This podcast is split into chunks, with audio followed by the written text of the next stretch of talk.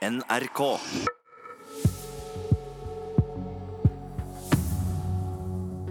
Jeg tror korttidshukommelsen min eh, og konsentrasjonen har blitt eh, dårligere, Anne Etlund Hansen. Hvorfor det, tror du? Nå skal ikke jeg eh, påberope meg mye forskning på det der, men norgesmester i hukommelse Oddbjørn Bye mener iallfall at inntoget av digitale hjelpemidler ser ut til å svekke både korttidshukommelsen og konsentrasjonen din, eller vår, da. Han mener at vi ofte ikke lenger engang prøver å huske. Hør nøye etter nå, for dette skal du prøve å huske i to minutter. Eh, tenk på et hus eh, som du kjenner godt. Du bare ser for deg bilder, og, og stol på meg. I søpla ser du elv. I kjøleskapet ser du nybakt brød. I stolen til eldste i huset, der ser du Michael Jackson. I kommoden ser du melange. Vi tar en bonus. Eh, tenk på fjernsynet i huset. Der ser du skei og Grandiosa. Dette er Oddbjørn Bye som gjør et iherdig forsøk på å lære meg en av sine mange husketeknikker. Men dette skal vi komme mer tilbake til. Bye er norgesmester i hukommelse og jobber med dette på fulltid. Kognitiv forskning kan nemlig tyde på at korttidshukommelsen vår har blitt dårligere etter den digitale verden sitt inntog. Bye mener at det er mye mer man skal huske på nå i hverdagen enn før. Passord, telefonnummer, kontonummer, eh, PIN-koder. Hukommelsesmesteren mener derfor at noen digitale hjelpemidler kan være sunt, men at det nå har bikket litt over i en negativ retning ved at folk ikke lenger prøver å huske. Når barn sitter på iPad eller telefonen veldig masse, så får de på en måte servert ferdige bilder. Eh, mens hvis en leser bøker og sånn, så skaper en bilder og danner bilder sjøl. Det svekker ikke nødvendigvis bare isolert sett hukommelsen, men forestillingsevnen og det med å dagdrømme. Før satt vi på bussen og kikka ut vinduet. Nå sitter en på bussen og kikker ned i en skjerm. Tor Valin Andreassen er professor i innovasjon ved Norges handelshøyskole. I frustrasjon over at elevene var mer opptatt av PC og mobiltelefon enn av å lære, gjennomførte han et lite eksperiment for å vise at konseptet penn og papir ikke bør være dødt. Nå Sist så sa jeg til klassen at eh, de av dere som velger å eh, være helt fri for eh, mobiltelefoner, kan regne med å få bedre karakterer. Ikke fordi at jeg er snillere, men fordi at du vil konsentrere deg mye mer aktivt og engasjere hjernen på en positiv måte enn de som da er mer digitale. At den unge generasjonen klarer å multitaske, mener nemlig Valin Andreassen at det er tull. Altså det som skjer er at Istedenfor å ha en lang konsentrasjon, så får du bare delt den opp i mange små sekvenser. ikke sant? Og Da ser vi at faktisk hjernen blir sliten av å gå inn og ut av konsentrasjonen. Altså gå ut av en tanke og gå inn i noe annet, og så gå tilbake til den gamle tanken. Gjør at hjernen blir unødvendig sliten, som ofte kan forklare oss hvorfor ungdommen er trette. Altså det at hjernen er trett av stimulering og det å gå inn og ut av oppgaver hele tiden. altså da. Så tilbake til starten, da. Husker du noen av tingene som ble ramset opp? Og husker jeg? OK, eh, nå tester jeg deg, og, og, folk som sitter hjemme, kan eh, prøve sjøl. Eh, Iallfall i eh, søpla. Hva ser du der? Elv. Kjøleskapet. Brødboks. Favorittstolen til eldste person. Michael Jackson. Kommoden. Åh, det husker jeg ikke. det var noe eh, mel... Melange. Ja. Og så hadde vi en bonus til slutt på fjernsynet. Skje og Grandiosa. Yes. Det jeg husket nå, uten å engang vite det, var faktisk navnet på noen av dem som sitter i regjering. For søpla, det er jo da miljø, eh, miljøministeren, heter Elvestuen. I kjøleskapet der så forskningsministeren Hun heter ikke Nybakt brød, men hun heter Nybø. Så har vi eldreminister, stol til eldste person. Michael Jackson. Så eldreministeren heter Michaelsen. Kommoden, det høres litt ut som kommunal. Så kommunalminister, hun heter ikke Melange, men hun heter Mæland. Og til slutt fjernsynet, kulturministeren. Og der hadde vi Skei og Grandiosa, så hun heter Skei Grande. Ja, Det sa altså hukommelsesmester Oddbjørn Bye. Reporter i saken, det var Kaja Marie Andreassen. Ylva Østby, hjerneforsker og nevropsykolog ved Universitetet i Oslo, god morgen. God morgen. Hva sier forskningen? Fører den digitale utviklingen til at vi får dårligere hukommelse? Du, den eh, forskningen eh, er jo et virvar, og kan ikke i hvert fall entydig støtte at vi får dårligere hukommelse og oppmerksomhet av å bruke telefoner. Men eh, det er jo gjort veldig mange ulike studier etter hvert. Men eh, fortsatt så er dette et forskningsfelt som er i sin spede begynnelse, naturlig nok. Men Går det an å si noe om hvordan bruken da av smarttelefoner og nettbrett påvirker hodene våre, altså hjernen? Mm. Ja, det er en del studier som f.eks. har funnet en sammenheng mellom økt såkalt multimedia multitasking, altså det vi gjør når vi sitter og sveiper innom sosiale medier samtidig som vi ser på TV eller hører på radioen eller andre ting. Um, og evnen til å uh, holde vedvarende oppmerksomhet. Um, altså at uh, de som bruker mye tid på multimedia multitasking, har dårligere evne til å holde på oppmerksomheten sin over tid.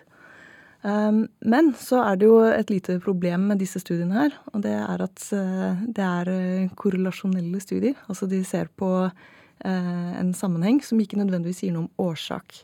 Sånn at det kan være at det rett og slett er de som er dårlige på å opprettholde oppmerksomhet, som lettere lar seg distrahere av telefonen sin og sveiper innom den. Men er det riktig sånn som professor Andreassen sier i innslaget her, da, at hjernene våre blir trøtte av denne multitaskingen? Ja, det tror jeg nok absolutt. Um, og, og, selvfølgelig, vi får jo med oss mindre når vi sprer oppmerksomheten vår over på flere ting på en gang. Så det å, uh, ja, det å kunne sitte i en forelesning uten å måtte innom uh, Facebook eller nyhetene, er jo selvfølgelig uh, mye bedre for oppmerksomheten. Samtidig så er det også eh, fullt eh, lov å la oppmerksomheten sone ut litt mens man sitter på forelesning, og la tankene vandre litt, som relatert til det Oddbjørn Bye snakket om. At eh, vi har en tendens til å kanskje undervurdere betydningen av å bare la tankene vandre fritt uten noen ytre stimuli, da. Men det er jo sånn at eh, Jeg for eksempel, husker jo fortsatt telefonnumrene til mine beste venninner fra jeg var liten, for da måtte vi jo ha alt dette her i hodet. Eh, hva er vitsen med å huske en del ting hvis vi likevel har alt tilgjengelig på telefonen? Ja, du husker jo de telefonnumrene, fordi de repeterte du jo så innmari mye. Du trykket jo de tastene om igjen og om igjen, om igjen, om igjen mange mange ganger, så det har lagra seg. Uh, mens nå så trenger vi jo nesten ikke å trykke noen tall engang når vi skal ringe. Um, men, uh, men, gjør det noe? Ja. Nei. Jeg, ikke nødvendigvis. Altså, det er jo begrensa hvor mye vi faktisk klarer å huske i hverdagen av alle disse telefonnumrene uansett. Og da vi var små, vi husket jo ikke alle vennene våre telefonnumre, men vi hadde en liste, da, en klasseliste f.eks., liggende ved siden av telefonen. Så vi vil alltid være avhengig av hukommelseshjelpemidler. Og det syns jeg også vi skal ha eh, eh, en aksept for, og tåle å ikke kunne huske alt. Og så er det vel sånn også da at uh, digitale hjelpemidler kanskje også kan hjelpe oss til å huske en del ting bedre. Vi har jo aldri tatt så mye bilder som vi gjør i dag. Vi går rundt med kamera i, i veska hele tida. Og alt vi driver med, enten det er middagslaging eller skiturer, så blir jo dette her dokumentert og delt med vennene våre. Mm. Men det er faktisk en eh, studie som har undersøkt nettopp det. Eh, det å ta bilder, om det faktisk gjør at man husker bedre eller dårligere. De ga folk i oppgave å ta bilder inne på et kunstgalleri. Og de som da fotograferte, de husket færre detaljer av kunsten som de hadde sett. Eh, Fordi de var opptatt med å ta bilder? Antagelig. Men så gjorde de en liten vri på det eksperimentet, og da ba de noen av disse fotografene da, om å fokusere på spesifikke detaljer. Og da husket de mer generelt ikke bare de detaljene de fokuserte på, men eh, helheten også. Så det sier vel også litt om at eh, måten man måte, nærmer seg verden på da, når man har et kamera, eh, er litt avhengig av hva man skal med det. Så det betyr antagelig ikke at det er farlig for hukommelsen å ta bilder av ting når man er på ferie, men at man samtidig også må eh, være litt bevisst på hva man eh, ønsker å spare til senere. Men er det sånn da eh, at hvis min hukommelse f.eks. er blitt dårligere av at jeg bruker smarttelefon, kan jeg rette opp det igjen? Du, eh, det har jeg veldig lyst til å forske på, egentlig. og finne ut av. Eh, for eksempel så er det Altså det er gjort ett eksperiment. Det er, altså det er gjort veldig få eksperimenter som har undersøkt eh, årsakssammenhenger her. Da. Det er gjort ett eksperiment som tydet på at det å gi smarttelefoner til folk som aldri hadde hatt smarttelefon før, gjorde at de ble mindre i stand til å kunne utsette en belønning til senere. Altså at de ble mer her og nå-avhengige. Um, så det kunne være interessant å se om man kunne reversere det. da, Og se om man kunne gjøre folk som har brukt smarttelefon lenge, i stand til å kunne utsette ting til senere i større grad hvis de sluttet med telefonen en stund. Ylva Østby, når du har forsket på dette, her, så må du komme tilbake her i Nyhetsmorgen ja. og fortelle om det. Takk for at du kom til eh, Kulturnytt nå denne morgenen. Skal vi skifte tema her i Nyhetsmorgen. Mange har nok fulgt rettssaken som startet i Danmark i forrige uke, der Peter Madsen står tiltalt for bl.a. drap og likskjending av den svenske journalisten Kim Wall. Norske medier har skrevet minst 1600 artikler om uh, saken, og det er det flere som reagerer på, kulturreporter Kristine Sterud. Blant andre NRK-journalisten Anne Dorte Lunås er kritisk til norske mediers dekning av saken. Hun sier til Klassekampen at hun synes saken blir dramatisert at han blir forskjønna, og at mediene visker ut grensa mellom fiksjon og virkelighet. Hun syns saken ikke, har, ikke, er samfunnsmessig viktig nok til å få all den oppmerksomheten eh, og omtalen som han har fått. Og også programleder i podkasten som NRK lager om denne saken, Emma Claire Gabrielsen. Hun sier at hun syns det er en ekkel sak å dekke. Hun sier til Klassekampen at hun hadde en feministisk motivasjon for å jobbe med saken, siden den òg handler om kjønnsroller og maktmisbruk. Og da er spørsmålet hva sier redaktørene til denne kritikken? Her i NRK så sier nyhetsredaktør Alexandra Beverfjord at det er en viktig sak å dekke, og at det er derfor de bl.a. har laget podkast for å belyse saken grundig. Men hun sier at vi er veldig bevisste på å ikke gå for langt i detaljer, og at det er en legitim diskusjon å snakke om dekninga som er. Og fra VG sin side så sier nyhetsredaktør Tora Bakke Håndlykken at de ønsker å gi folk innsikt i denne saken kan du ta med deg at andre episode i denne NRK-podkasten faktisk kommer eh, i dag. Vi skal videre til operaen i New York. Dessverre ikke en hyggelig sak der heller. Flere overgrepsanklager har nemlig ført til en oppsigelse. Det er dirigentlegenden James Levine som nå må gå fra sin stilling som musikkdirektør og dirigent. Han har jobba ved operaen i New York i rundt 40 år, men han har vært suspendert siden desember i fjor.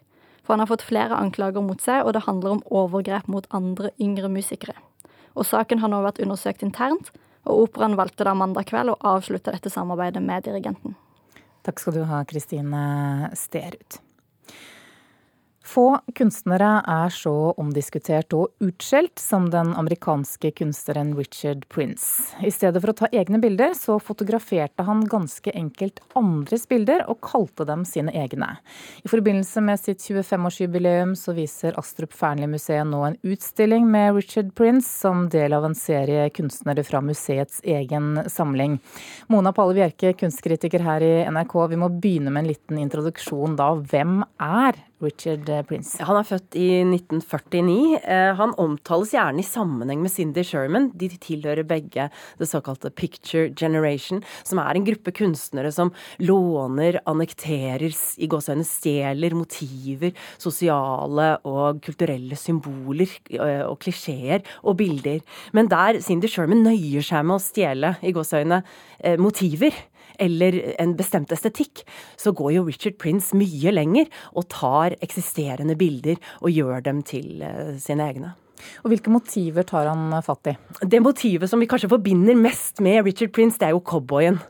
Og eh, han har jo da refotografert, som han kaller det, fra Malbro-reklamekampanjer. Eh, Dette er tøffe menn i storslagne landskaper som rir. Eh, og her er det jo da bl.a. i utstillingen Untitled Cowboy fra 1997, hvor vi ser da en ridende cowboy i, på sånne skinnende oransje sanddyner, eh, hvor bak en sort hingst, og hvor da sanden virvles opp mot den klare, blå høsthimmelen. Dette er jo myten om den amerikanske vesten, og også den den virkelig ultimate amerikanske maskulinitetsfantasien som han her tematiserer.